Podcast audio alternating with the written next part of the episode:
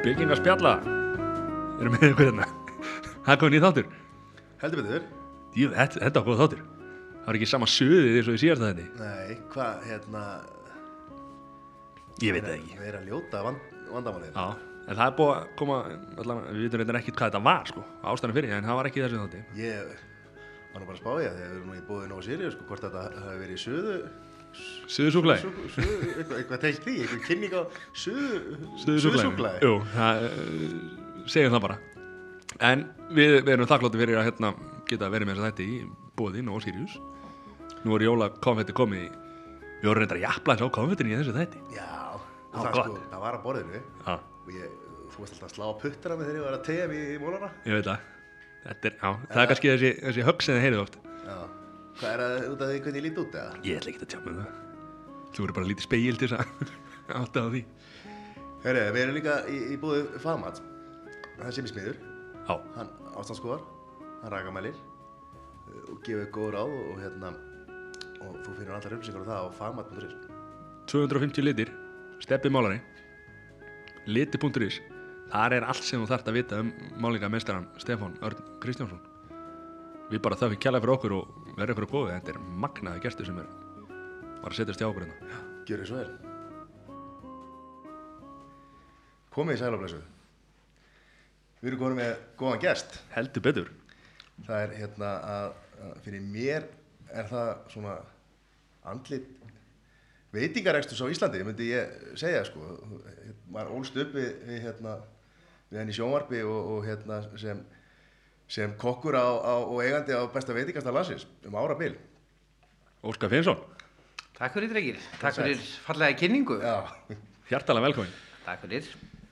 Ertu ekki bara sprengur? Það, núna eru jóla Jólin bara og jólamatur og allt í Það er brjála að gera þér. Jú, jú, Þetta er náttúrulega þessi tími hjá kokkum og veitingamönnum. Þá er þessi annar tími, það er allir í einhvers konar jólahlaðboru, jólaglaðningi, jólahitt og þetta. Og svo er þetta að fara að auka svolítið mikið að vinahópar og kunningahópar að taka sér saman og gera eitthvað jóla, jóla, jóla. Það þarf eitthvað til þess að við fáum ástæði til þess að gera eitthvað. Það er alltaf að gera meira stress. Já, já, búið til meira stress, tróða enn einum kvöldmannum inn og Verður að fara með vinunum og vinunum hjá konunni og þú veist, þetta er bara orðin.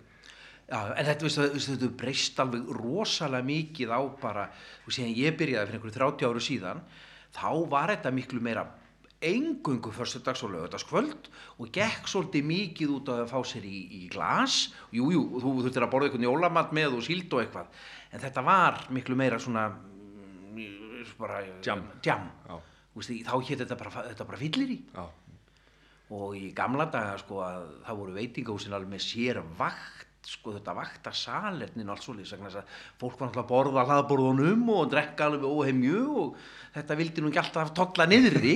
Þannig að þú veist öll svona veiting og svo er alltaf með á, það- þessi er á jólahlaðborðsvaktinu og sér um salernin. Og Já. það var bara svo þessi gamla daga. Það voru ekki dyr að vera við, við útidyrina, það voru á klósetti þegar jólaglöggi var, jésús minn. Við förum í þetta eins og eftir, sko, hérna Byrjum á, hvað? þú ert hérna fættur á Seyðisfyrði. já, ég segi finningur, fættur þar fyrir bara yfir 50 ári síðan Já, og hvernig var... Ekki nú. hvernig var að að alast upp á Seyðisfyrði? sko, í, mér finnst það bara hafa verið forréttindi, þú veist það, maður er náttúrulega, seyðisjörður er bara einhver pínu lítill fjörður niður grafin, þú ert alveg uppið það að, þú veist eins og fyrir jólin að, þú veist, þá voru mamma að sapna eggjum og það var heiðin ófær, sólinn hverfur í fjóra mánuð á ári og þetta er, svona, það er skrítið, það er svolítið einangraður sko, þannig að það, það er svona öðru vísi og ég held ég nú að fatta þetta mörgum árum eftir ég fór frá Seyðisfjörði þá fór ég með uh, yngsta strákið minn til Seyðisfjörði þegar hann var bara 60 ára gamall. Og, og við fórum að heimsækja frængu og frænda og allt þetta og allt í hennu var hann bara komin út á fótboltavöll og svo fór hann út á handboltavöll og svo fór hann út í sjoppunni og svo fór hann hitta einhverja krakka og hann kvarf bara í hálfmann sólaring við bara verða til og leika sér.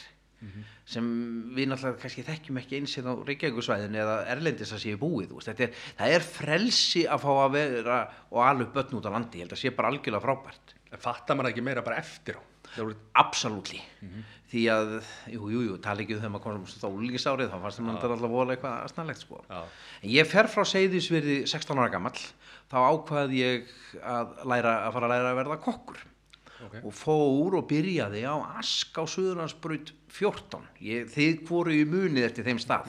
Þið munið til Ask eins og er í dag. Þessi var svolítið ofar, þessi byður og lambúnavilar voru. Já. þar fór ég að lærða og minn fyrsti vinnudagum var 16. mæ 84 En hvernig, af hverju ákvæmst að vera kokkur? Hvað, ég hafði bara áhuga á þessu ég, mamma segir ég hef verið 12-13 ára því ég byrjaði að fykta í eldhúsinu. Hafa skoðanir á mat, mér var gaman að búa til mat. Ég var ekki, ég vissi það strax ég var 16 ég, ég er aldrei langskóla gengin sko, ég var ekki maður sem satt með bækur frammeittu nóttu og las. Þannig ég var meira svona fyrir puttana og mér þótti bara alveg ofbáslega gott að borða. Var þetta bara áhugamál? Þetta var bara áhugamál og bara með mömmunni þá inn í eldhúsi Já. og, og hérna mamma var svona matagúru henni var skaman að elda þannig að við, já, þetta var þetta lág alveg bara beint fyrir, þetta var bara já, sjálfsögðu ferðu þú að læra kokkin, það var bara Mhm. common sense. En varstu þú alltaf með, fyrir, varstu alltaf með hérna svona bara hvað þú áttir að krydda með og salt og allt? Kom þetta bara strax eða hvernig?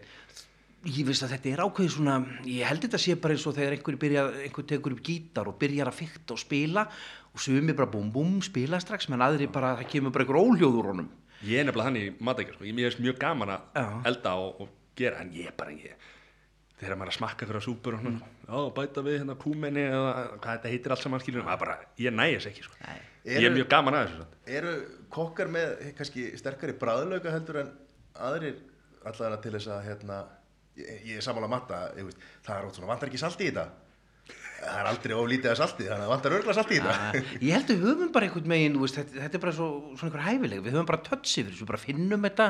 Og við þetta, þetta kemur já, auðvitað reynslan kemur og hún er náttúrulega óborgarlegar maður bara finnur þetta. Ég, ég held þetta sé mjög gott að líka við tónlist þú veist.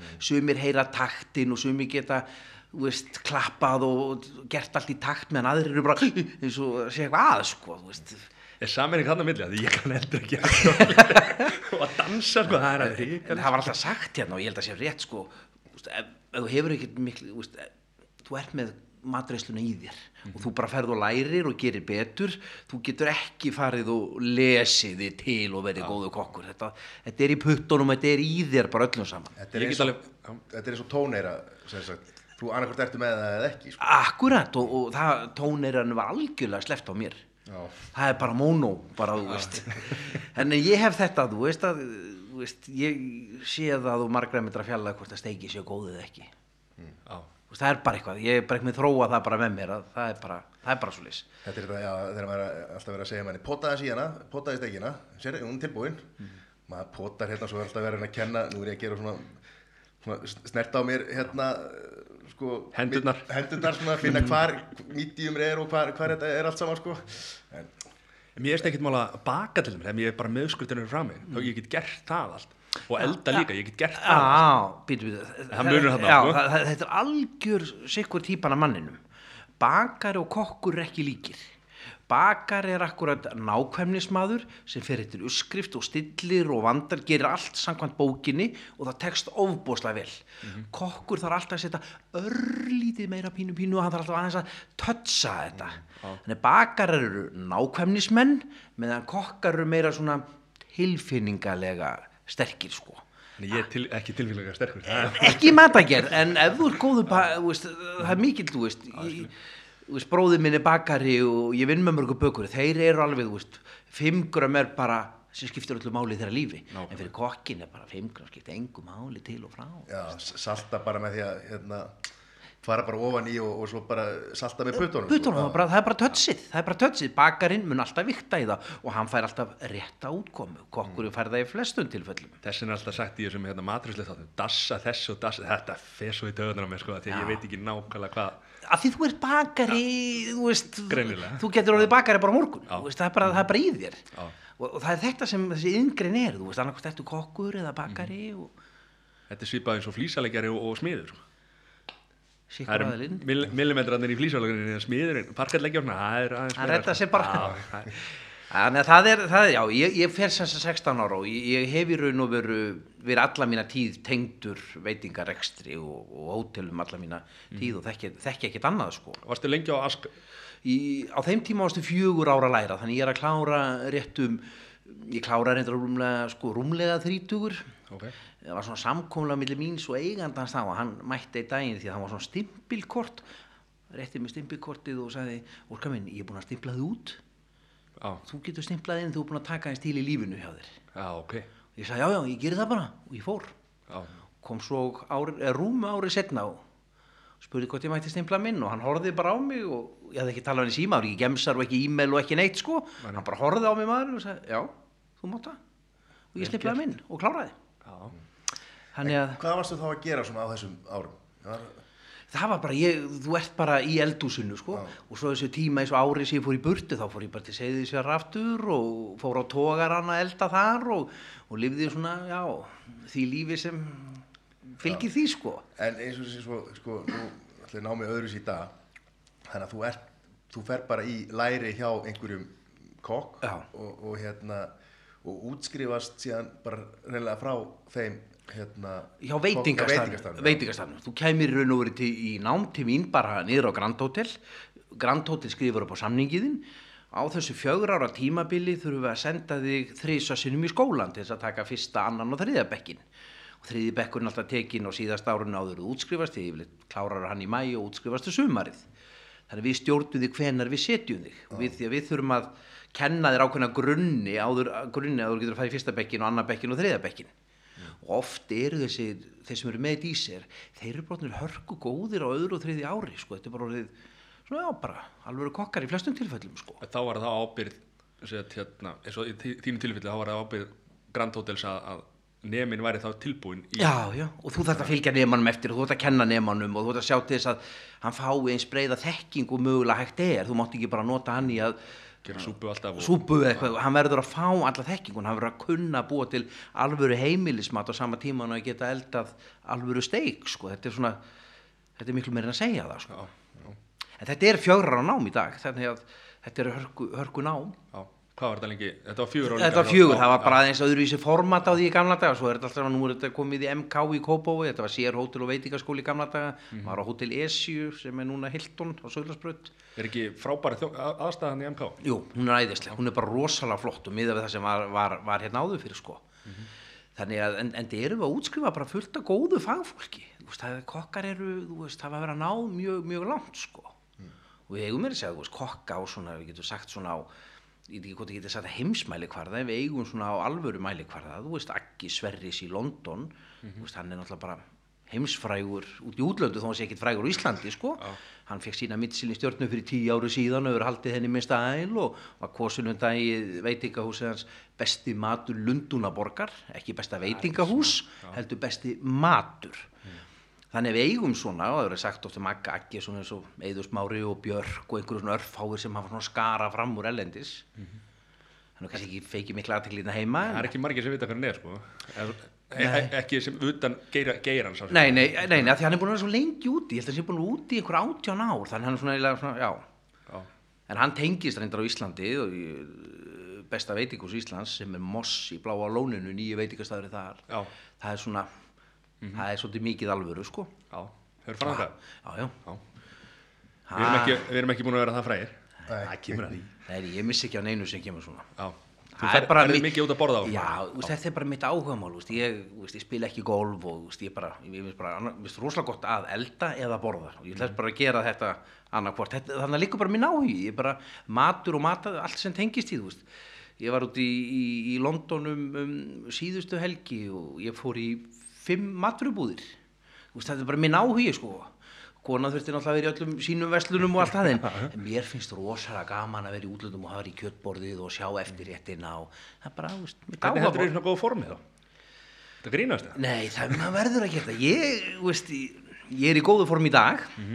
Ég var það ekki fyrir 22 ára síðan. Ok. Þá var ég komið með svona velmegunar bumbu og var á leiðin að verða svona bara hugulega feitur og pattaralegur. En ég átti góða vinkonu í, í Los Angeles sem benti mér á það mjög hraustlega að ég var hún feitur miðaldra maður fyrir þrítugt. já, Það var vond það var vond okay. ha, og hún sagðist það var töfralausn á því og ég sagði glimtu því en nú veist, ég prófaði fyrir 21 ára síðan að, að taka Herbalife shake og ég var ofbúslega hrættu því ég tók hann í fyrsta skipti að ég var hrættur um þetta að vera ógísla vond því að ég hafði á tilfinningu að þetta væri svona eitthvað kveiti glundur sem færi út í djús og væri svona kekkjótt og eitthvað. Mér fannst það bara gott, mér fannst það ógísla einfalt. Mér fannst það bara leysa þetta vandamál úr morgunmatur og fylla líka hana næringu og það sem það þarf að fá. Síðan hef ég bara tekið mér seika mótnana og drekk mér te tvisar þrísar á dag og ég er bara finn og finn en auðvitað æfi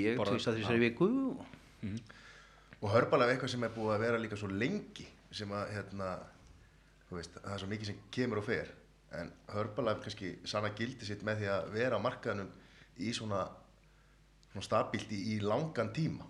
Mjög, já, þeir eru náttúrulega orðnir 38 ára gamlir og eru í dag operata í 100 löndum og eru með 30 og heldur 3-4% alheims sölu af öllum næringjadrykkjum þannig þeir eru miklu starri heldur en við kannski þekkjum og áttum okkur á á Íslandi svo hefur þetta náttúrulega breyst, þetta er komið svo mikið inn á net, uh, hérna samfélagsmiðlana, hvernig fólk er að koma í út að, þú veist, með vant að vöru, ég er að geða, þetta hérna áður fyrir var fólk meira varfið þetta, sko, veist, það var vera allir að tala og allir eitthvað, núna gerist það samfélagsmiðlum bara. Já. En það fyrirtæki hefur bara stækkað og dafnað með hverju árinu sem líður og, og er náttúrulega þetta komið mikið inn á þetta íþróttasvið, þú veist. Það var gaman fyrir svona hörpalega manni svo mig að horfa á belgiska landsliði sem var hérna hjá okkur í tvo daga, þú veist, með sér uh, mann sem sjáum að blanda hörpalega seikana fyrir þá og þeir allir, þannig að það er svona, á, þú veist, nota þeir þetta, þá er sko, þegar ég haldi áfram að nota þetta, veist, það var svona egobúst fyrir mig allavega að sjá, þessa miklu íþróttamenn, þú veist, þambandi 2-3 seik á dag. Já, og þú ert búin að vera tengdur hörbalega í svolítið langan tíma eða ekki? Jú, ekki? í 21 ár. 21 ár Já, það, viti, það var bara eitthvað svona bolti sem átti ekki að ég var á kvolfi í veitingarekstur og kona mín er hárgæslukona og þetta kom bara og bankað upp á hjá okkur og við náðum veist, ég misti bara kílum og fekk orku, mér leið vel og mér fannst það bara okkur lausn á svona þessu morgumverða pakka mínum að líka þessi öryggisvendill að fá bara þá næringu sem líka mín er raun og þarf þú veit að taka hann inn einhvers konar töflumótóti því að það er ekki hægt að segja eins og var sagt fyrir 30 ára síðan, já, þú voru bara að borða holt og gott, þú voru bara þú veist, matur er framleitur með allt öðrum hætti í dag heldur en var fyrir 30 ára síðan veist, þú tekur bara jarðabir sem er búið tilengst út í heimið nummer 1, 2 og 3 með jarðabirið er að það verði raukt og fallegt nógu lengi í hillun að setja að selja því nógu langan tíma. Það er enginn að pæla í næringarefnum í þessu í dag, þetta snýst um útlitt var að tala um hérna þegar, eins og þegar mamma mín og, og eldri voru að fara í hérna búðir sem krakkar, þeirra epla líktinu jólinn sko. Nú finnir við eitthvað epla líktinu maður bara þefa alveg af eplinu sko. það var bara heilu búðirna sem að unguð af epla líkt sko. Já, og þú, í dag getur þú tekið epli og getur svona, þú setur nöglina eða lítið hníf, þá getur þú skafið vaksið eða hilm veist, og þetta er bara gangu lífsins, veist, þetta er bara að vera að framlega vörun í heitum löndum og hún þarf að vera lifandi í tvær vikur á leiðinni til allra landa í heiminum og þaðan í hillunum og engi vil vera í rýrnun, þannig að þetta er ekkit óeðlilegt, þetta er, þetta er, bara, þetta er bara framtíðin. Og við á Íslandi erum alltaf rosalega vön að taka fæðubótarefni, okkar fæðubótarefni hét, hérna áður fyrir lýsi. Þú veist, ég sem krakki var látin taka tvær skeiðra lýsi og mjólkuglas á mótnara það var ekki option hjá mömmu og pappa það var bara, þú við fengum tvær rista brauðsneður á mótnara og svo var lýsið og mjólkuglasið það var bara, það var bara þannig. Þannig að þetta fyrir mér var þetta svo einfalt. Þetta er bara viðbót við lýsisnótkunna mína sko. taka inn einhvers konar fæðubótarefni Já. Þetta allan hendar mínum lífstíl Já. rosalega vel og halda orkun og kraftinum í líkamann sko. það er bara snild við erum á aski en þá við erum Klára- aski já, við erum ennþá, ennþá þar já. Sko. ef, ef, ef við hlaupum veist, ég, ég klára námið og, og, og, og hérna vildi bæta við mig og ætlaði mér alltaf að verða þú veist svona, svona alvöru kokkur. Og til þess að vera alvöru kokkur þá varst að fara út í stóra heim og vinna á einhverju veitingastöðu sem náður auka þekking og annars varstu bara svo allir aðri kokkar ég fór til Luxemburg og ætlaði að sótti þar vinna á nokkru stöðum og fekk fleirin á einu stöðum vinnu. En þá kom í ljós að veist, ég, þú færð ekki laun. Þú færð bara svona smápenninga og ég sagði býtu, býtu, ég er með konu og ég er með eitt lítinn strák, býtu hvernig á maður að lifa þessu? Og það var bara, það er ekki okkar vandamál. Við borguðum bara þetta, en ef þú deliverir í eitt ár, þá farið meðmælabrif ef þú deliverir í tvö ár þá farið bara alvöru meðmælabrif þá er bara safe. Og ég hafði bara ekki fjáraslega burði að lifa úti veist, vinna á 12 tíma vöktum og vera með konu og barn. Þannig ég kom til Íslands bara einum og halvu mánuði setna 1989 með skottið milli lappana í byrjun oktobermánaðar og var bara að leita mér að vinnu og var svona eftir einhverju. Kona mín var að vinna þá á aðalstöðinni útastöðinni niður í aðalstræti þar kom einhverju mennin og er að kaupa auglýsingar og er að fara að opna fyrsta steikúsið á Íslandi sem átti að heita Argentina steikús og hún segir við þá í er já, vantar ykkur ekki kokk? Og þessu, jú, alveg öruglega og hún sagði, já, ég veit um eitt góðan kokk sem er þetta að vinna, já, bara senda hann að klán tvö uppbyttur og hann talar við þennan mann. Og hún ringir í mig og ég bara reyði mig upp úr rúminu og tannbustaði mig og brunaði hennar á barnastíg og hitti þar einhvern neyfikokk og hann reyði mig vinnu og, og það er 1989 20. oktober og svolítið skrítið sko, ég var svo að gifta mig þarna örfánduðu setna 20 þannig ég fekk í raun og frí helgi, fyrstu helgir minni sem ég var að vinna Argentis að gifta mig, svo mætti ég bara á vaktina og, og kokkurinn sem var yfir þarna, hann var, hann var svolítið blöytur, hann drakk rosalega og eftir einhvern hálfa mánuð þá var hann búin að vera bara svolítið á svona góðum túr að eigandandi leta að fara og sagði Óskar, þetta er bara þitt vandamál þú veist.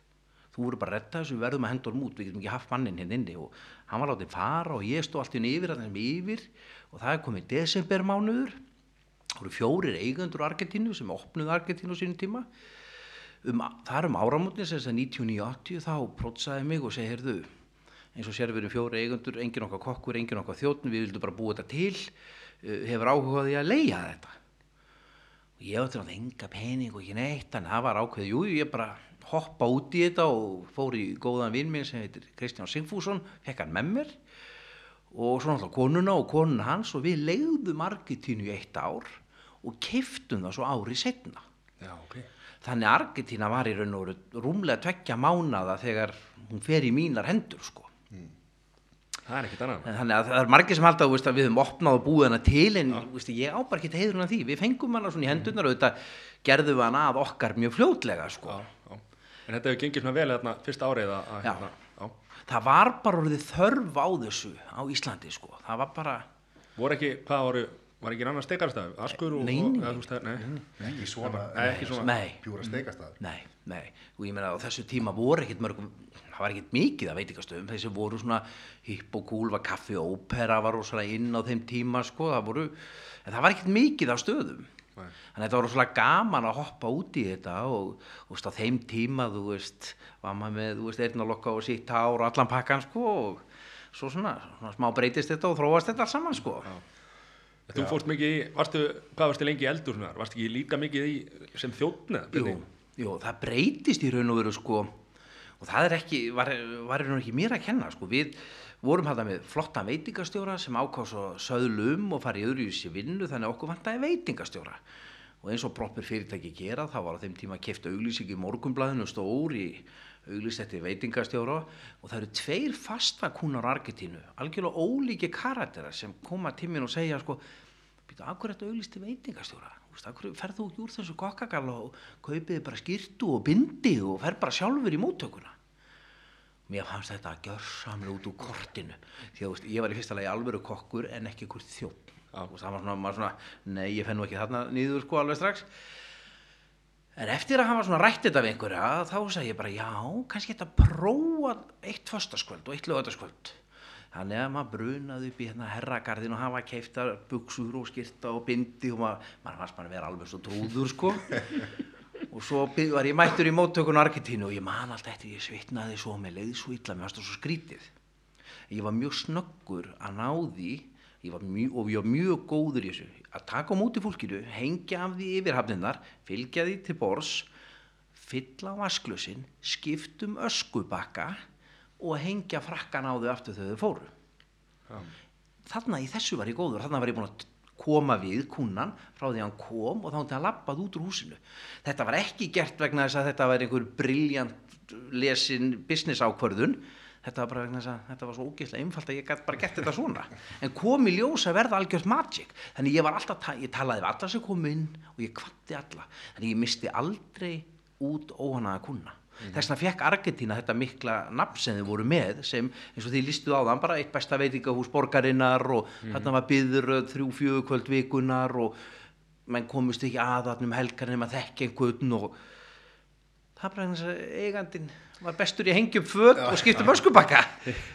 Ég er nefnilega, ég, minningunni minni um því, sko, þú veist, þá, ég man eftir þessu að það var alltaf verið að tala um þetta, Óskar Finnsson og Argentínu var verið, þá held ég alltaf að, hérna, ég bara vissi ekki nú að það hefði farið í kokkaskóla, sko. Ég held bara að það hefði verið þjótt, sko, frá upphafi, þannig að, hérna, Já, já, nei, En ég, það, svo vissi ég það bara setna, sko. svo kemur, þe- þetta er alveg góðum tveimur ára setna, sko, og þetta var bara eins og sumt í lífinu, það, það er bara, mann er bara rétta, það er bara einhver sem hefur vit fyrir manni og íti manni í rétt átt ef maður er svona opið fyrir að hlusta og, og taka leiðbenningum, sko.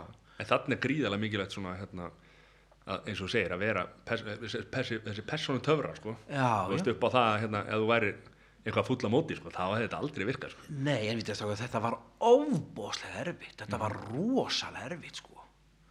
Mér fannst bara þetta bara, þú veist að segja, góða kvöldið, hvað er nafnið með veist, þetta var bara, þetta var mér ekki eðl, ég var bara kokkur, þú veist, ég bara var góður bara inn í eldhús að búa til mat. Þannig ég þurfti alveg að svona búa með til minn karatir og ég leitaði, fekk hjálp hjá mönnum sem kunnu að koma fram og svo síndu mér gerðu svona og startu svona og segðu þetta og þú veist, ég þurfti að læra þetta. Maður verður að læra þetta. maður þarf að læra þetta. Svo var ég svo heppin að barþjóðnin okkar þessa tíma eh, Benedikt Erlingsson leikar á þeim tíma. Og hann svona bankaði og verður me verður meira relax, verður meira relax? Og svona, svo hann alltaf bara orðið flottu leikstjóri í dag kallinn, sko, hann svona bankaði í mig svo því kannan dag og svona Hann var að vinna hana. Hann, já, hann var einn af, einn, einn af okkar barþjóðnum, sko Já, Það sko, ég man, eh, man bara eftir því að þegar, hérna, fólk ætlaði að gera vel við sig, Mm.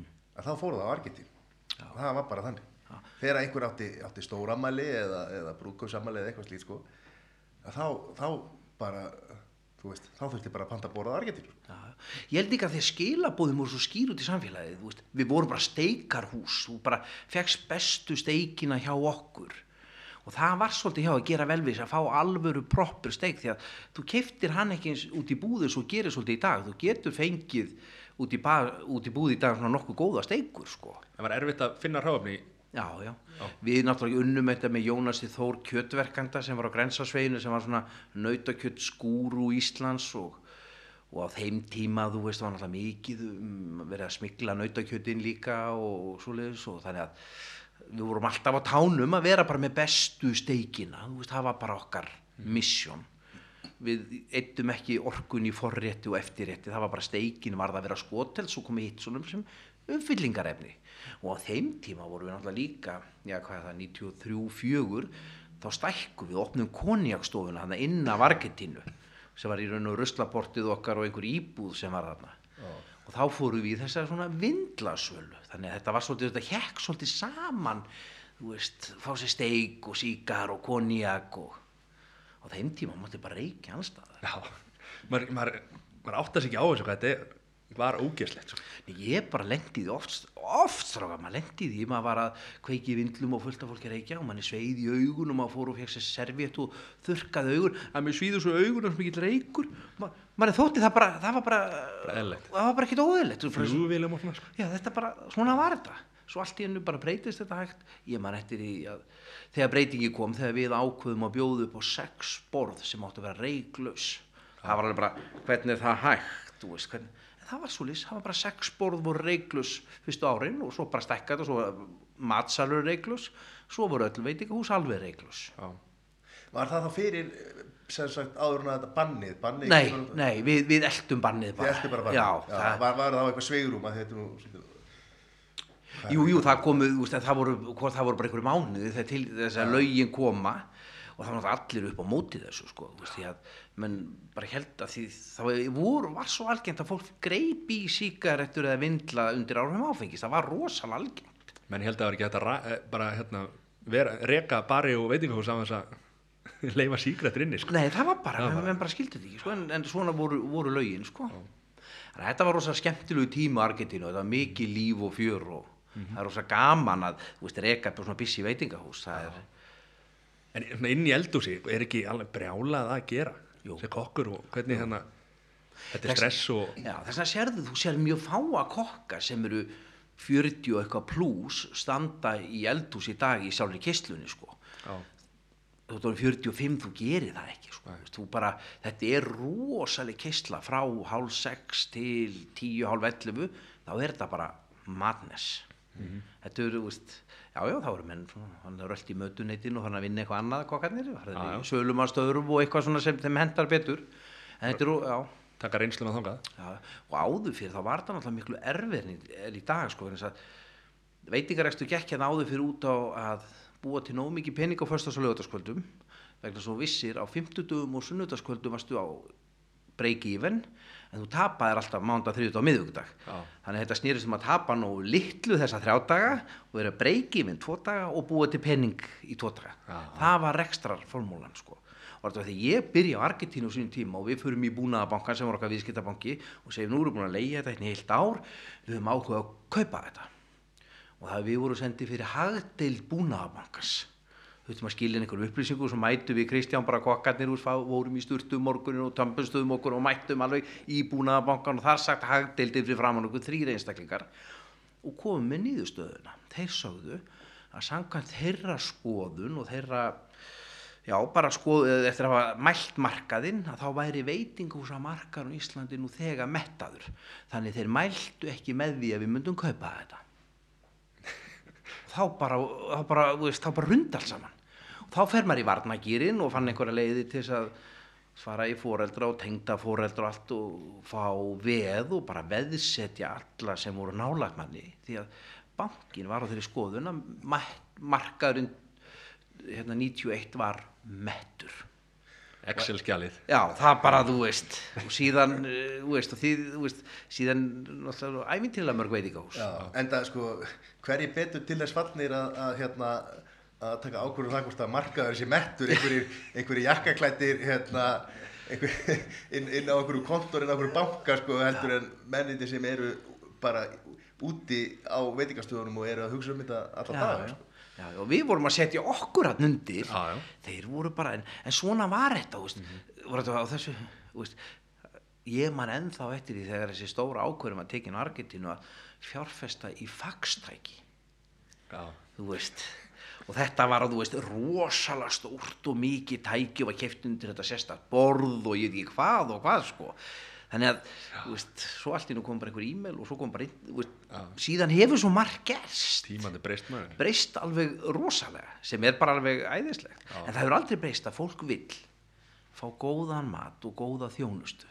Og nummer 1, 2 og 3 þegar það lappar út þá vil, það, vill maður að hugsi já, ég er tilbúin eða þessu pening aftur. Ég, ég fekk value for money. Ég borgaði rosalega mikið en mér leið vel með það. Og það var það sem við reyndum Argentínu alltaf að láta fólk þegar ég var að kveðja það að fólk hefði á tilfinningunni þetta var value for money.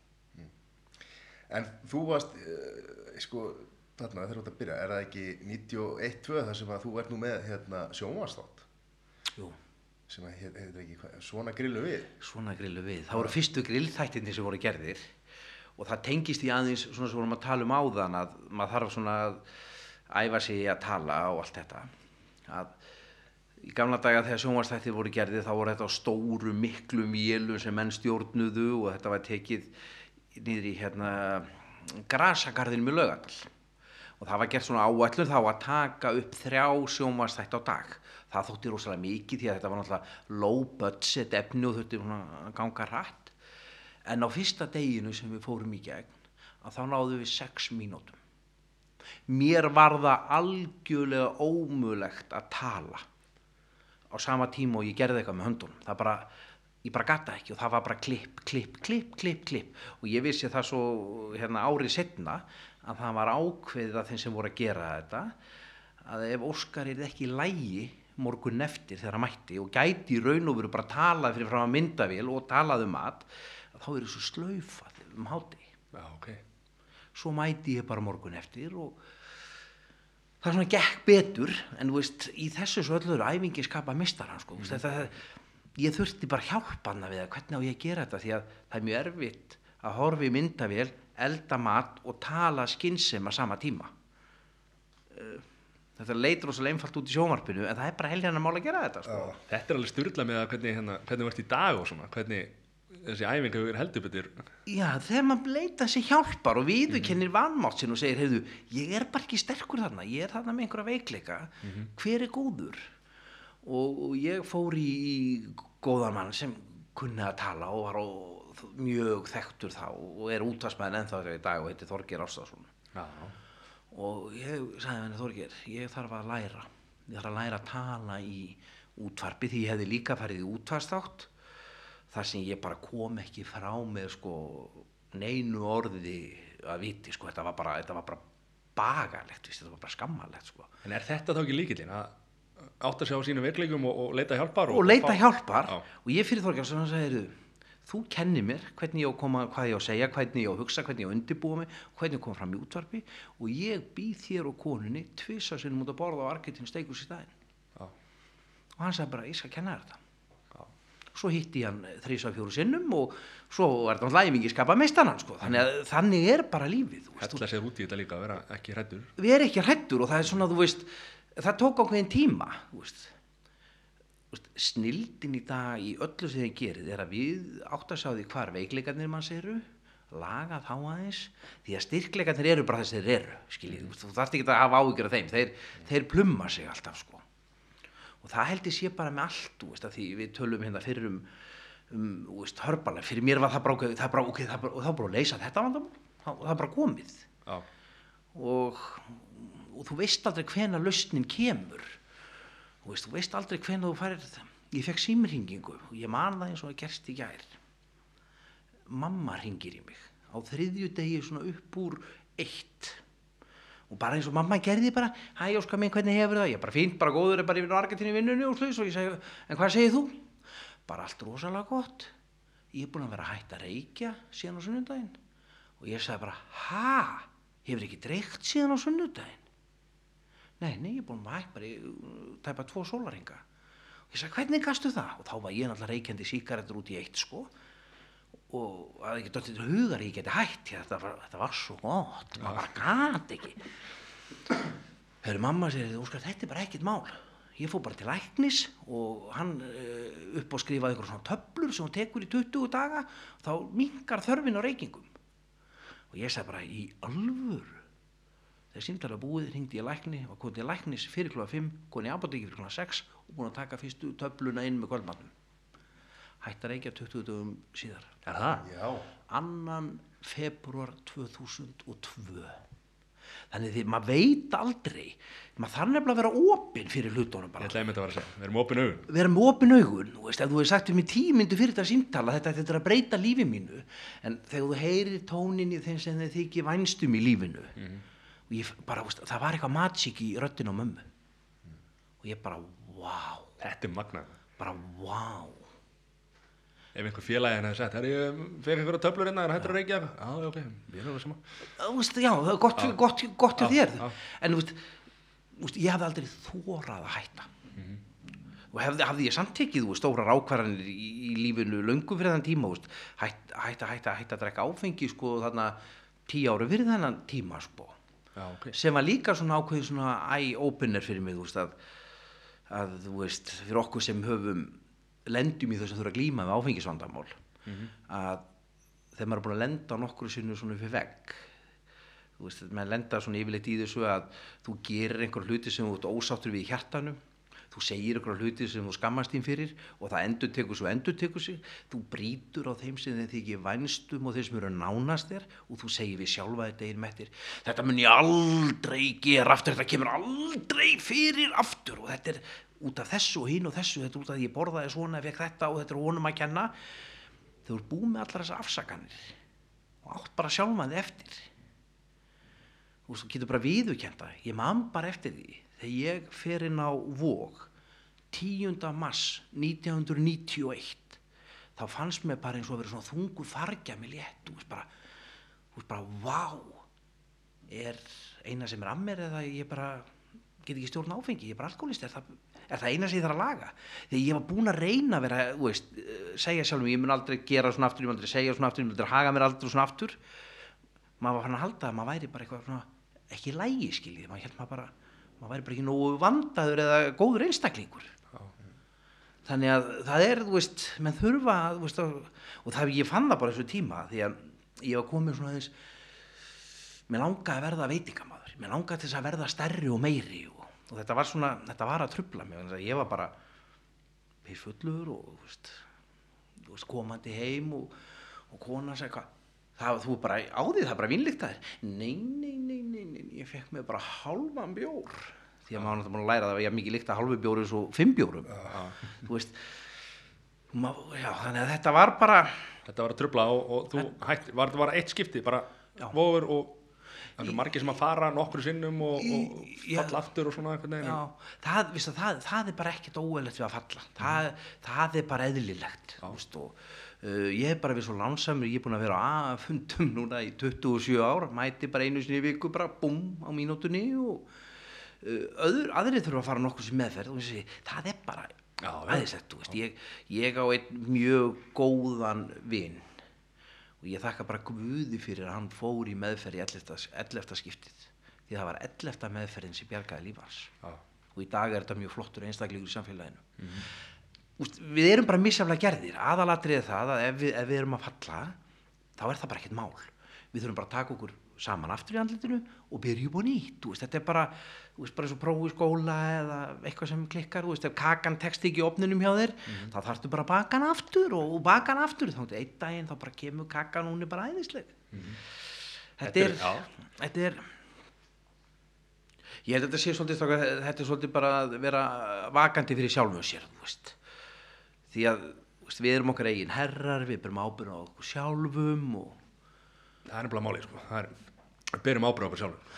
já, já, þú veist, ég hefði vilja þú veist, þó maður hafi kannski hægt að reykja og drekka og allt þetta sko, þá svo margt annað, þú veist, þú veist það, er, það eru, þú veist, eins og þetta uh, nóa konfekt hérna við framann okkur þú veist, það er mjög freistand að standa bara í kassanum og veist, er, og, þú veist, maður þarf að slá að puttan á sér og það er með allt sem er gott í lífinu, þú veist Já. Þetta er svona gott komið. þetta er rosalega gott konfekt og, og, og bara, já En hvað er hérna Argentínu? Þið, hvað voruð með Argentínu lengi? Sko ég fer ég fer út úr sel minn hlut til meðeiganda minn sem var alveg uh, með mig frá upphafi Kristjáns og Ágústu ég sel það í raun 2003 Já. það gerist vegna þess að þegar maður var búinn að sjá meira heiminum og ég var búinn að gera sjómansætti og við gerðum bók sem hétt Veislubók Hakups sem er söluhæsta matreislubók sem hefur komið út á Íslandi fyrr og síðar. Og maður fær meira svona egobúst reglulega með það það var einhver kona á Facebook um daginn sem var auglýsa hvar get ég fengið þessa bók. Hún var prentuð í 5.000 upp- upplögum hún var endurprentuð í 5 hún var endurprentuð aftur í 5 og hún var í fjórðaskiptið í 5 5.000 eintökum. 20 eitthvað eintök fóru og hún var uppselt árum saman. Já, mér finnst þess að hún sé til á öllum heimilum sko, hún er allar til á öllum betri heimilum. hún er til, það eru rosalega margir sem er til vegna þess að þarna kom út matreislubók þar sem bara venjulegt fólk opnaði og sagt, sagði bara já, ó, ég get sennilega gert þetta. Við einföldum allt og gerðu og það var verið að kenna, þú veist, bara fólki sem var að byrja að búa svona gerur uppstúf svona gerur alvöru svona sherry sveppasós, svona gerur þú veist bara þennan grunn af góðum veislumat þannig að þetta var ekki bók fyrir kokka að vera á ekotripp og segja sína svona æðislegur er ég.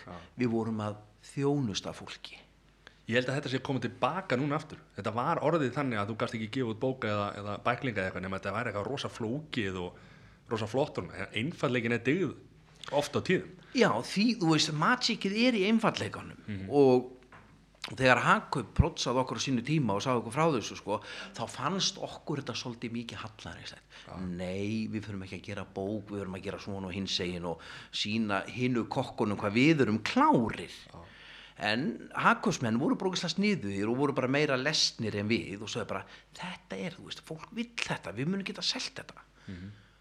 Og við fórum á stað og, og, og hérna gerðum, Var- var gerðum einhver- þessa bók og við höfum gert fullt af sjónvarsþáttum síðan og fyrir ykkar tíð sem lári þið höfðu gaman að hlusta útvarp.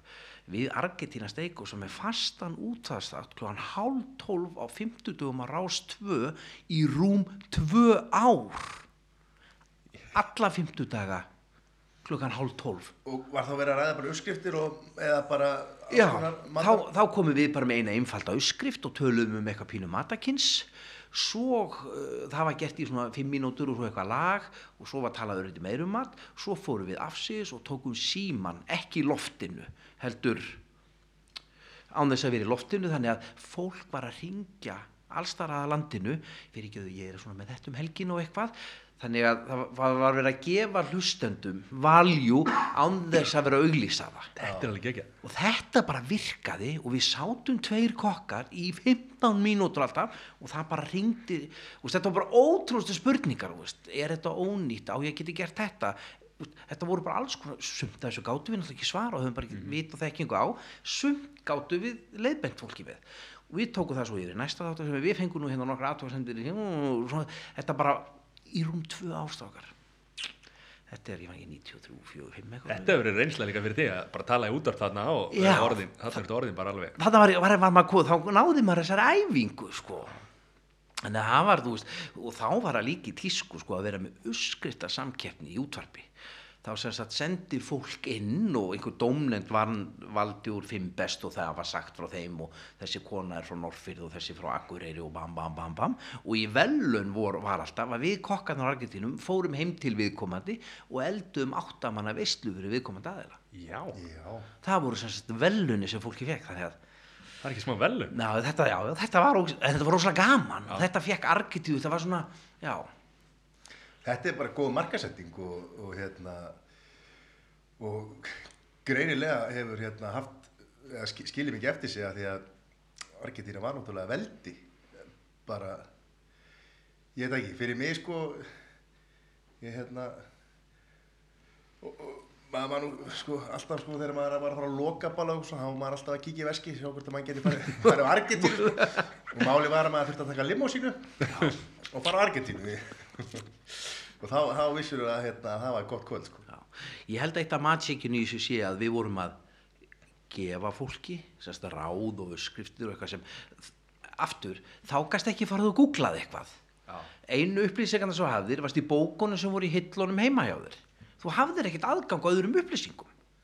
Í dag ferðu bara, þú veist, ég vil gera krembrulle þú fer bara og konar hundra og svo horfir bara á það á YouTube og veist hvernig þú átt að gera þetta. Það var ekkert svona. Þannig að þarna voru við einstaklingar tilbúnir að gefa af okkar tíma þú veist, þetta var alltaf að spilaði saman gafmildi og egoið okkar af því að við fengum þess að aðtiklin í staðinn skiljið, þú veist, þetta, þetta svona spilaði alls saman saman. Þetta er briljant hugmynd. Og svo hérna á þessum tíma var ekki, voru, átti ekki allir uppskriftabók frá, hérna, frá ömmu sem að var orðin svo gömul og lúna og hjekk bara líginni og, það vissi ekki hvað stóð í henni. Já, og hétt uh, maturstu bók eða lærið af Helgu Siguradóttur var svona þykk og mikil bók það ég, ég er að tala um bara sem að amma Bara handskrifa frá ömmu gamli sko. Já, ég- það átti- skrifuð maturslubók sko, Já, sem að gekk á milli ætliða Já, já, Það er nú ennþá þannig að, hérna, jólánu hjá Tindu þá var hún með hérna, með bók sko sem að ég sk- skil ekki skriftina sko en, en maður veit svona núna eftir nokkur ár sko hvað stendur já, á henni. já. Ég, á- ég var svona bók líka frá mömmu minni sko, því að þannig eru demantarnir sko, veist, þannig að því að það, þú veist, enn og aftur, það var engin aðgangur að svona þessum tíma því við erum að, þó þetta sé stutt síðan að þá er þetta samt svona langt síðan.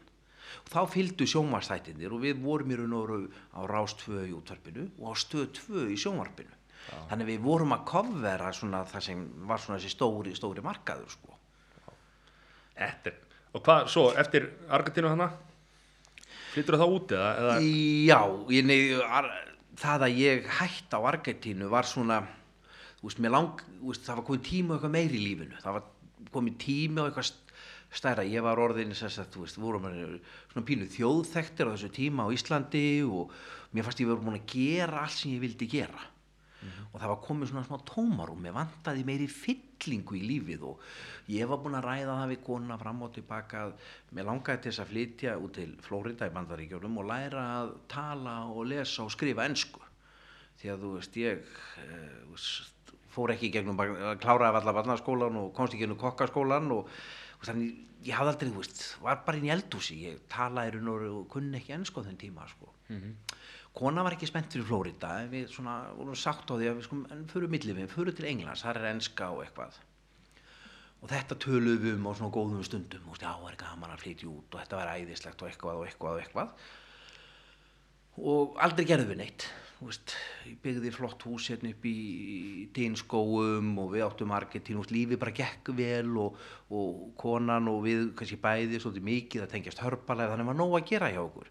Samt vantaði með þessa lífsfyllingu og það var eitt sunnudagskvöld. Og hún búin að horfa á bíómynd á sunnudagskvöldi.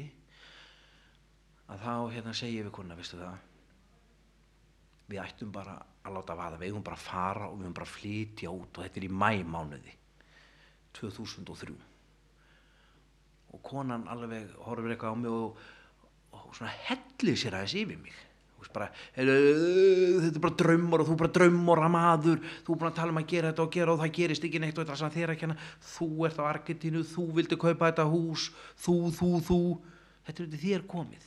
Já, og ég horfði bara á hann í smástund og sagði já það er allt rétt, rétt sem þú segir. Þetta er bara mitt ego. Þetta er bara ekkert mál. Við bara losum okkur vitar saman. Við bara seljum húsið og bílana og, og Argentínu, hún segir kaupir enginn Argentínu, þú ert Argentína. Og ég sagði, veistu það? Ég veit það ekki, sant? ég held að sko ég bjó til Argentínu en á sama tíma bjó Argentína mig til. Ég held að Argentína vilja ekki taka mig niður. Ég held að hún veist, það, það kemur lausna á þessu. Við ákveðum þarna að við skiltum fara út bara halvum mánuði setna byrja að leita húsnæði, skoða ekki segja neinum lifandi manni frá þessu við fórum út og sögðum krökkurum já við erum að fara svona hörpalæf þjálfun í Englandi. Og svo fórum við og skoðum og skoðum og svo fórum við mánuði einum hálfum mánuði setna aftur út og skoða. Allt, aftur var börnunum og fjölskyldu já við erum að fara á hörpalæf þjálfun í Englandi. Við fundum hús, græðum og gerðum tilkynntum svo börnunum þetta og svo fjölskyldun í ágúst. Það er flutningur eftir mánuð. Já, við seldum allt. Og ég fekk mjög góð tilbóð í, ekki mjög góð, fekk tilbóð í minn hluta Argentínu meðeigandi minn á þenn tíma hann vildi ekki selja. Og eftir að við hjónin fórum undir feld og þá ákvaðu við að láta hann hafa okkar hluta. Já, ok. Hann hafði ekki bólmangs að kaupa okkur. Mm út. Þannig að við ákvaðum að selja ekki. Við gáfum honum okkar hluta. Já, ok. Gegn því skilriði sem hann setti hann sagði ef þið ætlið að sína mér þennan þetta tröst og, og svona mikið mikla reisn þá er mitt skilriði að þið komið aldrei til Íslands öðruvísi en að borða á Argentínu. Mm að sjálfsögði mínu bóði Já, og þannig var það. Og var ekki erfitt að skilja svona við eiginlega, má, má segja badni, badni? Jú, jú, í hvers skipti, jú, auðvitað var það, en sko, það er aldrei auðvelt að verða stærri en, þú veist, ef þú vilt vaksa og verða eitthvað og gera eitthvað meir úr lífinu, þá þarf það að taka áhættu. Við vissum það að þetta gætt fara á tvo vegu. Það gekk upp að vera í Brellandi, ef það hefði ekki gengið upp, þá hefðu komið heim til Íslands með skotti milli lappana, en við höfum alltaf prófað, við reyndum og gerðum okkar besta krakkarnir voru ekkert sáttið þegar við fórum út.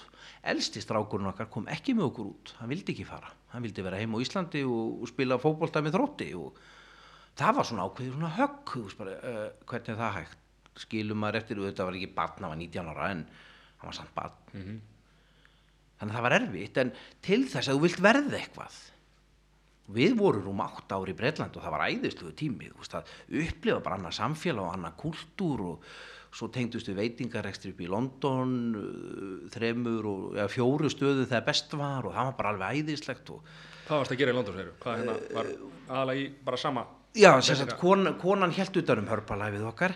Ég hins vegar var mikið svona á veitingósar línunni og fór þarna með nokkrum uh, góðum mönnum og við stopnum textjör með Akka, Michelin chef á sínu tíma og svo sá ég um mikið um uh, bankana þetta náttúrulega þess að sveiflu þetta er útrása tímanum sko, þetta er þegar allar visslutnur og allt var að gerast þannig að ég var mikið í að sjá um bara og entertaina fyrirtækjum frá Íslandi út í, út í London. Þannig ég sá bara um visslur og hótelhald og græjað og gerði og eitthvað sem ég fannst gaman að gera og fannst bara alveg væðislegt frægur og góður, góður að halda vislur og... Já, þannig að það var svona bara mitt, mitt líf í brauðarna hluta til úti og svo náttúrulega fylgdi hörpalæf okkur alltaf og þannig að það var bara alveg æðislugu tími og, og liðum svona bara eins og kongar í ríki okkar annars, sko. svo kom allt í hennu bara run og Já.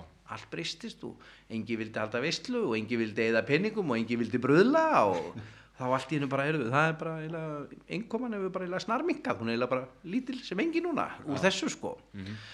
Þannig að þá svona lendi maður að við vegg. Þá bara shit, þá maður að fara til Íslands, hvað, hvað á maður að gera?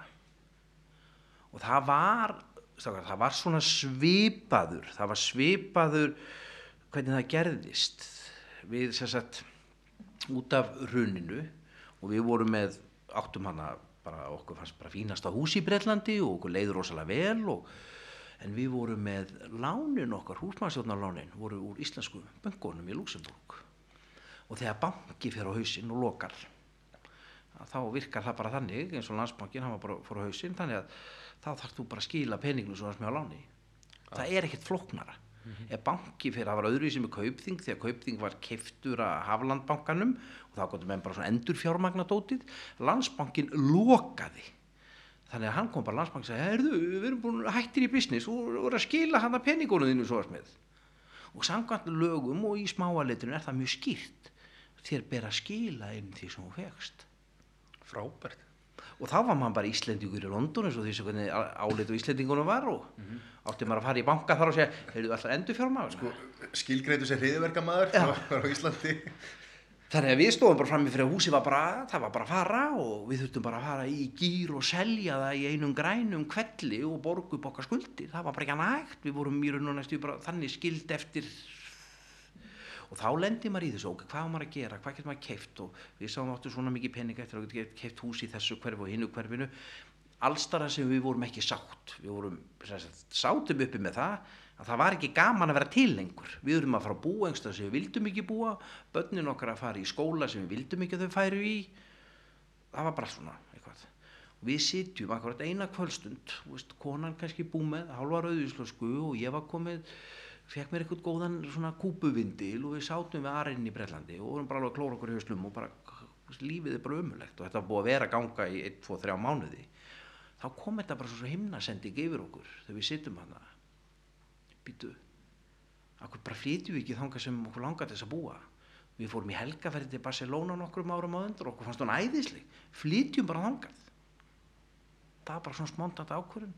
Tvei fengur setna voru okkur um flugvél og hann að leita að gert og við fundum svo húsnæði og fluttum til Barcelona og vorum þar í fimm ár og það var bara alveg dásanlegt þannig að þú veist öll svona vandamál sem koma að manni eru aldrei vandamál. Það er bara verið að íta þér í að verða stærri og betri vegna þú ætti að leysa vandamálin. Og Barcelona tímin er algjör paradístrákar ef þið búið í stuðbuxum þá er það bara það er bara, það er bara rosalega góð tilfinning. Já, Þú veist, en við hins vegar aftur lendum í því þegar við förum að yfir að nákvæmlega og með uh, Guffa son minn að, að hann vildi ekki fara með okkur til Englands að þá segir Klara dóttir mín að hálfu mánuður um að flytja. Ég vil ekki fara, ég ætla að búa í Breitlandi og við förum bara með yngsta strákin til til Barcelona og þá vorum við með börn í þremulöndum sko. já, þannig að það var svona, veist, það, var, það, það, það, er, það er rosalega challenge sko. það, það tekur svolítið á svona hjartað og svona það er ekkert auðvelt. Það er ekki auðvelt sko. Og við byggum hann bara á ströndinni í fimm ár og, og það var bara algjörlega dásalegt. Ég vann í veitingarekstri svolítið þar og upp í Fraklandi mikið og það var bara frábær tími. Það var bara alveg frábær tími. Og ég var ekki á leiðinni til Íslands. Nei. Býtur við, var Eðusmár í Barcelona á þessum tíma? já, já, Já. Hann, hann var að fara yfir til Mónakó þegar við komum sko. Hann bjó í þarnæsta húsi fyrir aftan okkur sko og Viktor Valdes var fjórum húsum frá okkur. Já. þeir voru allir á þessu svæði. Þetta var æðislegt svæði að vera á sko.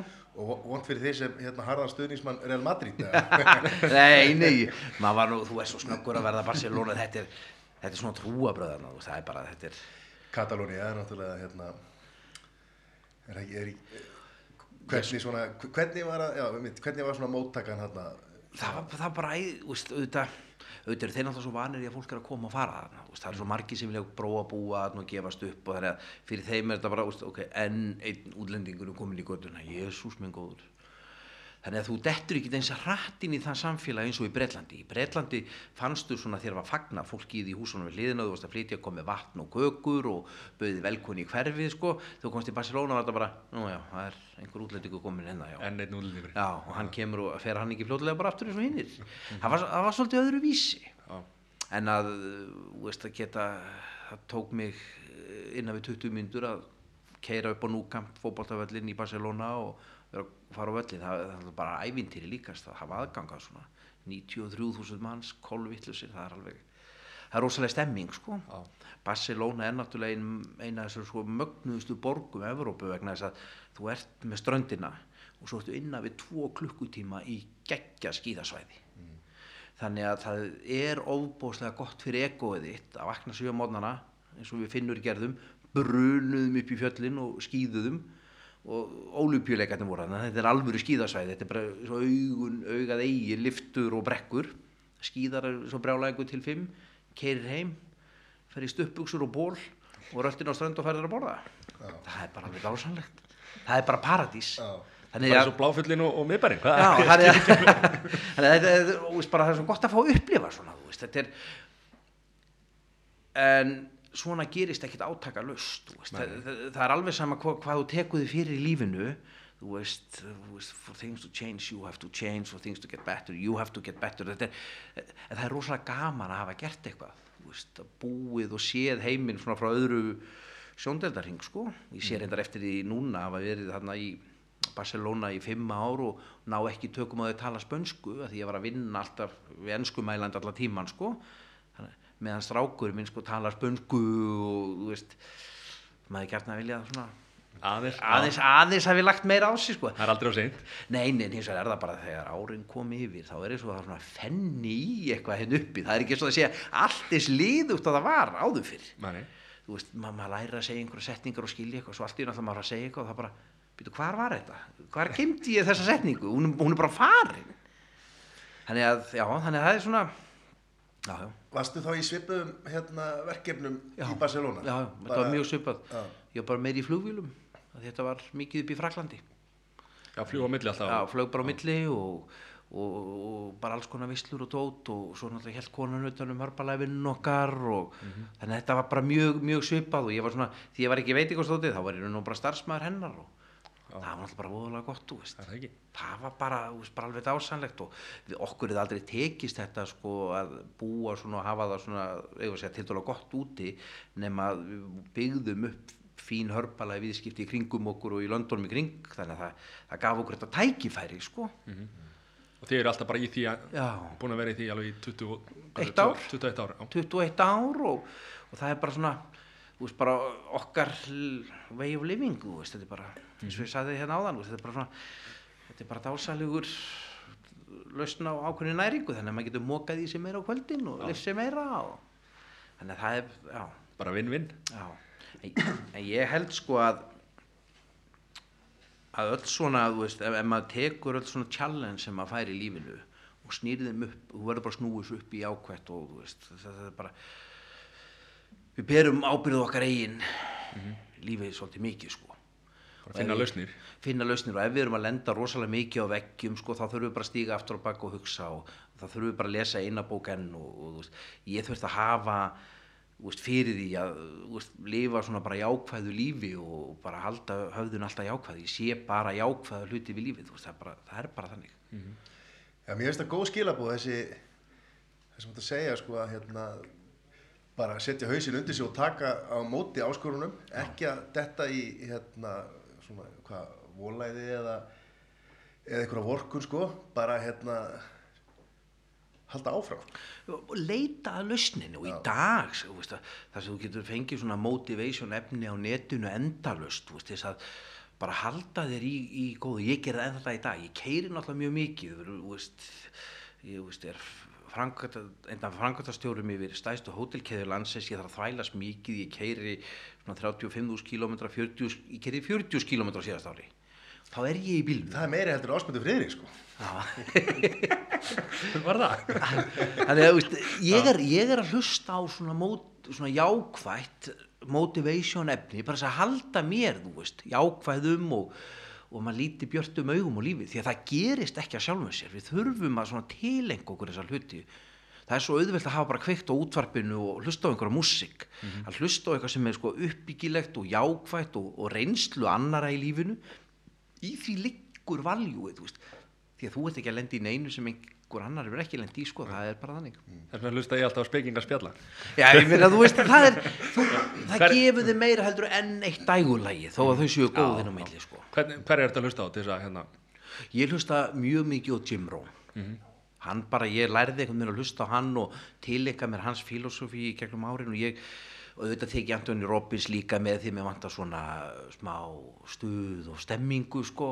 Les Brown teki svolítið svona veist, eh, ég tek kannski Jim Rohn í góðan hálftíma svo þegar nálgast hótelið þá setjum ég Les Brown á í tímyndur hann er svona meiri keistla, hann svona gýrar þið aðeins upp svona. Smá pepp. Pepp, þá tek ég Les Brown aðeins og svo kem ég bara inn á hótelið í góðum gýru og í góðum fíling og veist Það er svo mikilvægt að hlusta svo aftur og aftur og aftur þannig að sko, þú Já. nærði aldrei að meðtaka allt og þú verður svo peppar þegar þú ert búin að hlusta. Já, já. Svo er þetta líka spurningin um hvar þú er stattur þegar þú hlustar á þetta. Þú veist, uh, þetta getur verið að þú sér svona í einhverju svona, vand, svona einhverju smá vandræði með konu og börn eða eitthvað, þetta getur verið vinnuvandam. Þú, við erum stödd á svo mörgu stöðum í lífinu að ef maður er að fara að leysa svona eins og ég kannski átt að leysa einhver ágreinisefni í vinnuna á þessum hótelum, þá er ég að hlusta eitthvað sem hjálpa mig við það, þá heyri ég eftir því. Svo þegar svona maður er í vandræði með eitthvað heima fyrir með konuna, þá heyrur eitthvað annað. Þú veist, þó að sé sömu orðin. þá séu sömu orðin þá fara þau inn í skilningin hjá okkur einhvern megin öðru vísi sko. Þannig að já, Hvernig var að flytja svo aftur heim? Hvað hérna, var ekki viðbrið? jú, það var, það var mjög skrítið og, og það var það var ekkit auðveld ákvörðun. Það var, það var, það var ekki auðveld ákvörðun og það er Það er alltaf gott að koma heim. Það er alltaf dásamt að koma til Íslands. Og ég held ef ég mætti stjórna þessu 100% sjálfur sko, þá get ég, myndi ég alltaf vilja vera á Íslandi svona frá miðjum november fram í miðjan janúar. Ná bara þessu leiðinda veðri, snjó og rigningu og öllu þessu þeirri stemmingu, svo hefði ég vilja færa mig suður á bógin svona einhvern tíðan í byrjun februar þegar fara að hlína í Evrópu og fá svona alvöru stuppuksna veður þú veist þegar þú byrði í Barcelona þá ertu bara með tvo umganga fötun þú, þarf bara að taka vetrafötun og pakka þeim niður því að svo ertu bara í stuppuksum frá svona lok aprílmánaðar og út óttúber þá ertu bara með 5, 6, 7 lita stuppuksum og nóga bólum þessu þarf alltaf að pakka niður. Já, vetrafötin, það er bara gallaböksur og já, síðan já, það er bara og þú þarf bara að vera, ég meina það er kallt í Barcelona ég meina, og það er, dýrt, það er svo dýrt að kynna það núti að ég meina, þú sefur í, í skríti og það hljómar, þú þarf að sofa í þykkum náttfötum og við sváum í Barcelona í desember, janúar, meðan februar þá sefur í sokkalistum alltaf í Já, það er bara rakin og kuldin er svo mikil og ef þú ætlar að fara að kynna þá ertu bara ekki veist. Mm gleymið því aldrei strákar. Fyrsti hitaveiturreikningur sem við fengum hann var bara 960 eurur fyrir mánuðin Sæl. Það tekur bara í sko. Já, það já. er bara allt í já, ok, já, þá best að borga bara. það að þú lærir og svo er annað sem þú lærir líka í þessu að maður hættir að nota airconið eins mikið og maður gerir þú, bara þegar þið farið á sólastöru þá setið airconið og hótelherbyggju og allt þetta. Þú býrð þarna, þá allt í einu bara lærir það að þú er svona sveittur á bakinu aðeins og það er bara allt í lægi og, Já. og þú svona bara lærir einhvern veginn að lifa við þetta sko. En fyrsta árið þá bara borgaði maður rafmagn og hita alveg í eitt sko. Það var eitt segið það ekki sem að var, kefti sér íbútt á Spáni. Svo hérna mætti hann og var að vökva náttúrulega því að grassi var orðið sviðið og, og hérna fór að vökva og svo dreif hann bílinn og svo var hann aðeins að taka húsinu og eitthvað svona og nágrannir bara held að hann var einhverjum miljardamæringur sko. Löpuð til hans og spurði hvað það er nót til á þér? Það vissi hann ekki neitt að það væri svo dýrst sko. Ég verði þetta að kosta bara handleikin veist hann gerði þetta ekki áttur nei, nei. og í Breitlandi þessi bjóð þá var þetta bannað. Þú máttir ekki þvó bíliðinn heit, á, heitum sumurum í Breitlandi þá máttu ekki þvó bíliðinn með garslögunni sko. já, ok. Já, já, og ég lendi í að nágrannin koma akkurat svona og hún sagði bara, það, ég get ekki sætt mig við að horfa á því gera þetta. Ég vona að þetta sé bara í síðasta sinn. Ég mun láta vita þessu ef ég sé þið gera þetta aftur bara því miður, ég bara vatnið er dýrmætt. Þú bara mátt ekki þvó bílinn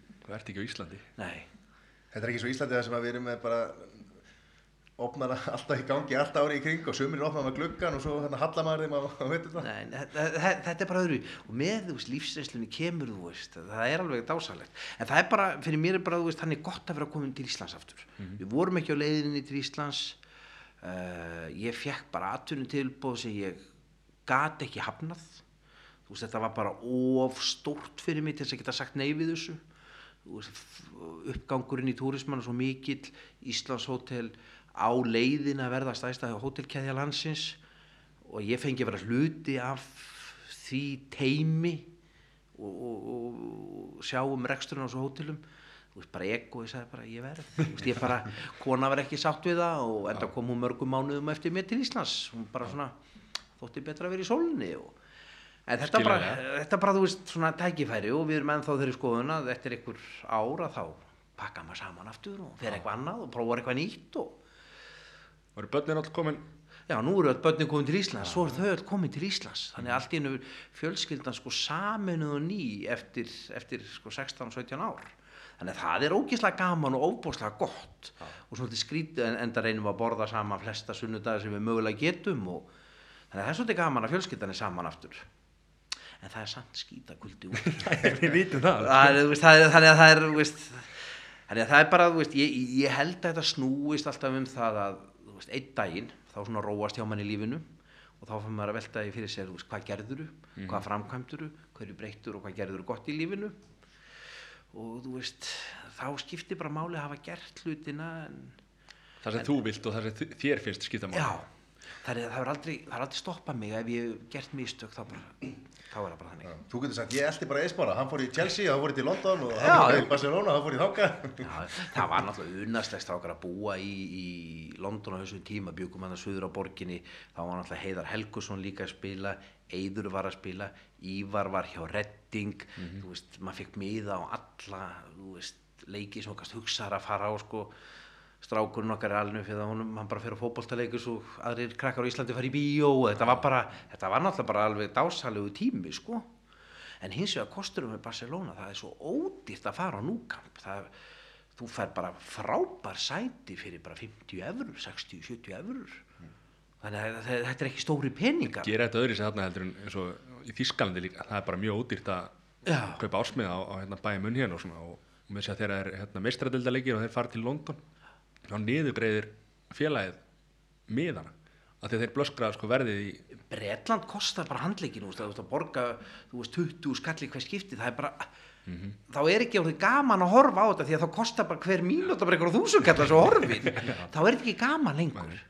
En svona, talandi af því, ég held að ég farið á alla þessa leikvanga sem skipta máli í Bretlandi, það eru svona tveir vellir sem standa upp úr stemmingin á Loftus Road sem er heima völlu Queen's Park Rangers inn í miðri Lundunaborg eða í vestur Lundunum völlurinn er svo lítill og hann er svo gamall og hann er svo þéttur og hann er að þú næstu því að þú situr í fremstu sætun og hann getur banka í línuvörðin og, og leikmenni sitja raun og inn í áhörndastúkun og hluta til að bara taka úr áhörndastúkun svo að leikmenni geti verið. Þar finnur þessa stemmingu þú veist og eins á redding það sem er bara 27.000 manna völlu pínu lítill svona grifja þar finnur þú powerið. Svo að þú ferð inn á Emerald Stadium eða, eða Stamford Bridge eitthvað þar sem kannski helmingurinn að áhörndum eru túristar. Já. það myndast öðruvísi stemming sko. Þú veist, ég fór að, ég gleymi ekki, ég fór að sjá, sjá hérna Leeds sem er nú upp á sliðið mitt sko í Breitlandi spila við Redding og það var í desember að janúar og kolvittlust við bara tveggja þryggjast að hitti og næstuði snjókoma og, og mjög kalt lýtsarnir voru komnir úr og ofan í hálfleik. Bara standa með sínu liði með að sátu við rétt hjá þeim sko með hú og vettlinga og júlpum og öllu saman. Þá voru þeir byrður ofan og börðu sér bara. Veistu, þetta, er stemming þetta er, svona, þetta er gaman. bara, og færðir svona stóra alvöru pulsu og þú veist ekkert hvað er í pulsunni. Og en þú ekki bara borðar hana vegna þess að það er hluti af stemmingunni. Þetta var, veist, þetta var þetta er gaman, Já. Þetta er gaman. Talandi um mat, við getum nú ekki fengið hérna sagði að ræða jólamatinn, það er að koma jól. Já. Hvað er hérna, hvað er, hvað er þið með á jólunum? ég er að skipta núna í fyrsta ég er búin að skipta, þetta er þriðja skiptingin á lífsleiðinni. Ok, Eh, Ég er alinu fyrir rjúpur og var rjúpur alveg þangað til allt í nú var erfitt að vera rjúpur á Íslandi. Þannig þá skipti ég yfir í kálfakjöt. Já. og var með svona heilstekna kálfarygg sem er óbáslega fallegt hvítt kjöt alveg bara á sama lit og svínakjöt og bara eins og smjör eins og bræðið veist, það er bara alveg geggjað. Núna ætla ég að fara í, þessari skiptingu yfir í andabringur. Ég er alltaf með rjúpur í forrétt. Mann getur alltaf fengið einhvern til þess að lauma á sér tveim, þreim rjúpur sem hún getur notað í forrétt en ætla að hafa önd í aðarétt jólin eru og ég held að þau eigi að vera bara klassísk það byrjar alltaf þessi sama umræða þessu tíma þú veist, ætla fólk ekki að hafa léttari mat og eitthvað baba neini, jólin er bara klassísk. Þú átt að borða mikið þú átt að vera alveg út þaninn og það eru jólin. Þú átt ekki að vera að hugsa um hotlust og skinnsemi þegar jólin er annars vegar. Við höfum hérna 360 daga á árið að gera það. Jólin er tíminn þar sem við borðum yfir okkur þar sem maður leggst upp í rúm og maður svitnar enninu því þú er búin að borða svo mikið. Já. við eigum ekki að vera að velta fyrir okkur einhverju svona hotlust og hvað er létt og skinsalegt það tilir ekki jólun það tilir hinnum 360 dögunum Það skiptir máli hvað að borða frá, frá gamlás að jólum, ekki á milli jól og nýja. gamlás. Akkurat, þannig að, þannig að ég ég er svona klassískur alltaf á jólunum það er hangikjöt á jóladag og svínahamborgar eh, á, á annan í jólum og það eru nautalundir á gamláskvöld og er eitthvað með nautalundir núna sem fæja norðan, þú veist, ég veit, þú veist, bærin sem dýrið er alveg upp á og hvenna því var slátrað og Já. ég þekki alla ferilin og það er verið sex vikna gamlar þegar það kom inn til mín og það er verið eins og smjör. En, en, í, en í meðlætinu, ertu klassísku það klassísku líka, ég er, já, maður tekur kannski smá tísku í smá einhverju salutum eitthvað örlítið með en ég er bara rosa klassískur að þetta eru jólin. Og þú veist, jólin eru bara veistlubók hagups, þessi gamla góða. Það er það, þetta er svona comfort food, þetta er svona að láta sér líða vel matur þú veist, ég er ekki að nota asiskrydd eða einhverja chili eða neitt, það á ekki heima í jólunum. Það á heima alltaf hinna dagana og hinnu veistlunum sem við höldum. Jólin eiga að vera svolítið svona Þú ert ekki í hamburgerinnum? annan í jólum. Já. annan í jólum.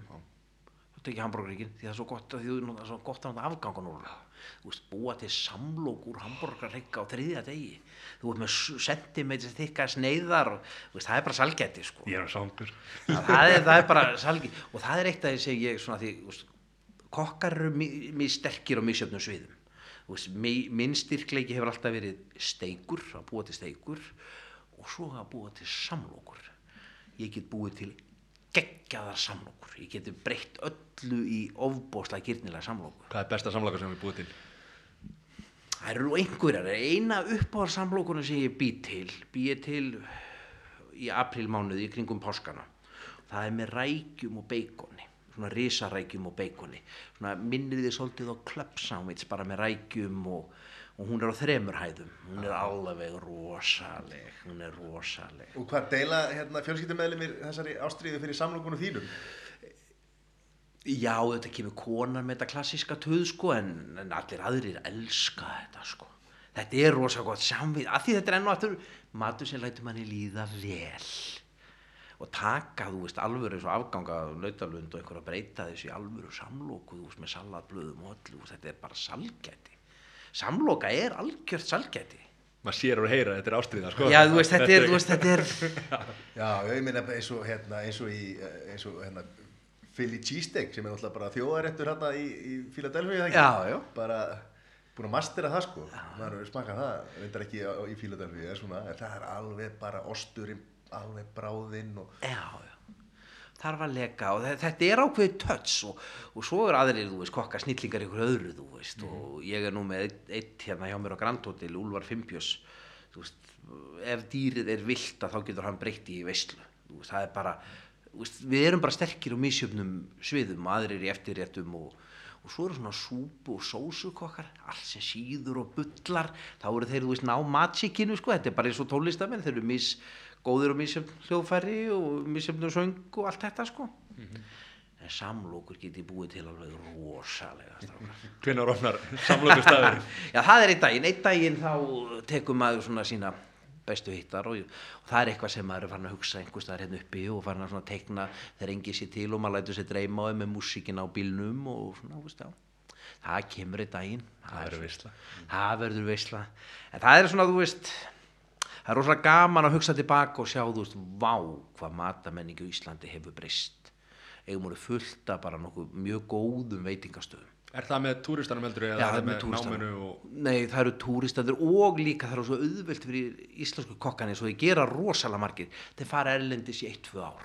Þeir ná sér í þekkingu og kunnáttu og koma til Íslands og verða yfir kokkar og gera eitthvað sniðut Hann Aggi, hefur hann ekki verið duglegur að taka íslenska Jú, kokka í svona Jú. læri hjá sér á textjúna eða ekki? jú, verið mjög, mjög margir og, og þú veist, þegar þú segir þetta bara þá hugsa maður, þú veist bara, já, þessi staður í honum bæði, þessi staður og þessi staður, það er sama yfir kokkar sem hafa verið í honum. Þannig náum við okkur, því við getum ekki farið í háskóla og náðu okkur í aukanám, þetta er eina leiðin fyrir okkur, það er að fara á og, og, og, og, og vinna og, og ekki býður íslensku kokkum að koma að vinna svona því sem næst kauplaust en ef þeir standa sig þá fá þeir með, með, meðmálabrif það er bara ennþá svoleiðis. Það er, það er ennþá Já. Ég sjáu bara hvað haldið sjáu bara svona stórstjörn eins og Gordon Ramsay.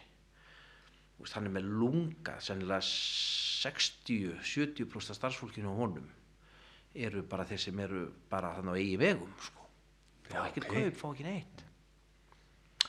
Ekki neitt vegna þess að þeir eru að ná sig í þekking og reynslu bara. Veist, sem er ómyndalega in the long run en, en þetta kemur óvart. Eða svona, ég var ekki búin að hugsa út í þetta Nei, ég myndi gera nákvæmlega sama, þú veist, ef ég væri kokkur í dag að byrja, ég myndi fara á ákveðna staði út í heimi og banka og segja bara, ég skal vinna frítt hjá þér, ég fæ að borða, skal ég vinna frítt hjá þér í sex mánuði eitt ár. Já. Þá kemur þekkingin og reynslan. Þú veist, ég har ekki nóg að borða matið, þú ert að vinna með það líka, sko.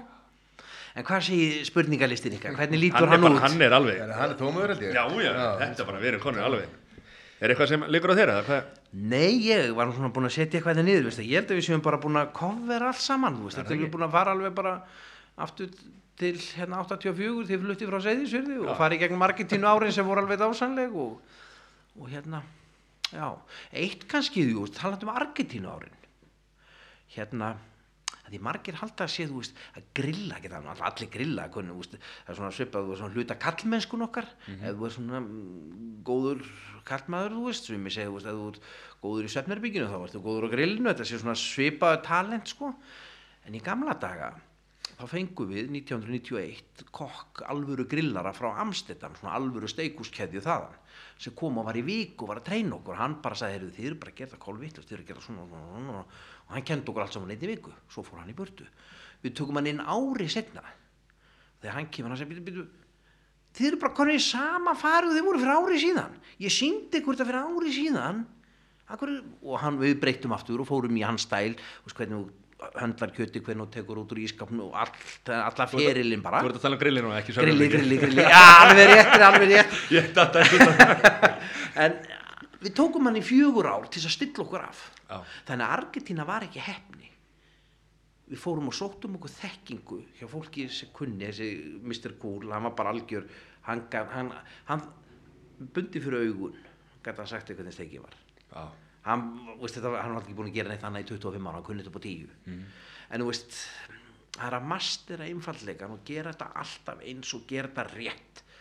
Þá færðu rétt útkomið því að þú gerir þetta vittlust nokkru sinnum og hann færðu bara alltaf vittlust útkomið. Það er bara, getur ekki gert hlutur vittlust og ekki rétt útkomið, það bara virkar ekki. Já. Er það eitthvað til í því, því að ef að matseðlinn er stóri eða margir réttir Mm. að, að, að þá bytni það á gæðunum að því að þú veist það er betra að gera eitthvað eitt rosalega vel heldur en rosalega margt svona þokkalega Já, ég, ég er sammála þessu. Hins vegar, þegar þið sjáu, þegar þið eru ekki fagmenn, þið sjáu bara, vá, þetta er bara rosalega stór matseðl, það er bara hérna 14 forritur og 20 og eitthvað aðarættur og 20 desetta, vá. Við fagmenni sjáum hann öðru þessi, já, vá, hvað eru búin að, því þetta svona rúlar allt saman saman, sko, veist, það flist á milli og er, þú veist, bara svona Sami- leikur og orðum og sami hlutur í, sko, en, en það er rétt, þú veist, þú, þú vilt í grunnurinn þarf að vera, en það, en það sjáu veitingahús sem hafa staðið upp úr á Íslandi, og ekki bara Íslandi, um allan heim, eru þau veitingahús sem eru með svona skýr skilabóð. Þú veist hvað þú gerði þú fórst á Argentínu, þú veist hvað þú gerði þú fórst á hotnið niður í bæ, það var pizza, úlfar á þreim frökkum, það er svona, það eru skýr skilabóð, þannig að þú getur fókusar á einhvern ákveðin grunn og svo ertu bara með auka dótið í kring, þá veistu hvað þetta að gera. Þegar við förum á búlluna, þá liggur að ljóst fyrir hvað það að gera þar. Þú ert ekki að fara að fá þér hambúrgarík, sko. Nei, það er bara, þú veist, ætlar að hafa kóki með á sigur, þú veist, hitt liggur bara ljós, þannig að þar liggur ákveði matsik að orkan fer í einfallegan. Heldur betur. Það eru góð lokaður. Er það ekki? Orka fyrir ein, einfallegan og, og hérna, bara Óskar Finnsson, það er kjallaði fyrir okkur. Takk fyrir mig. Takk fyrir.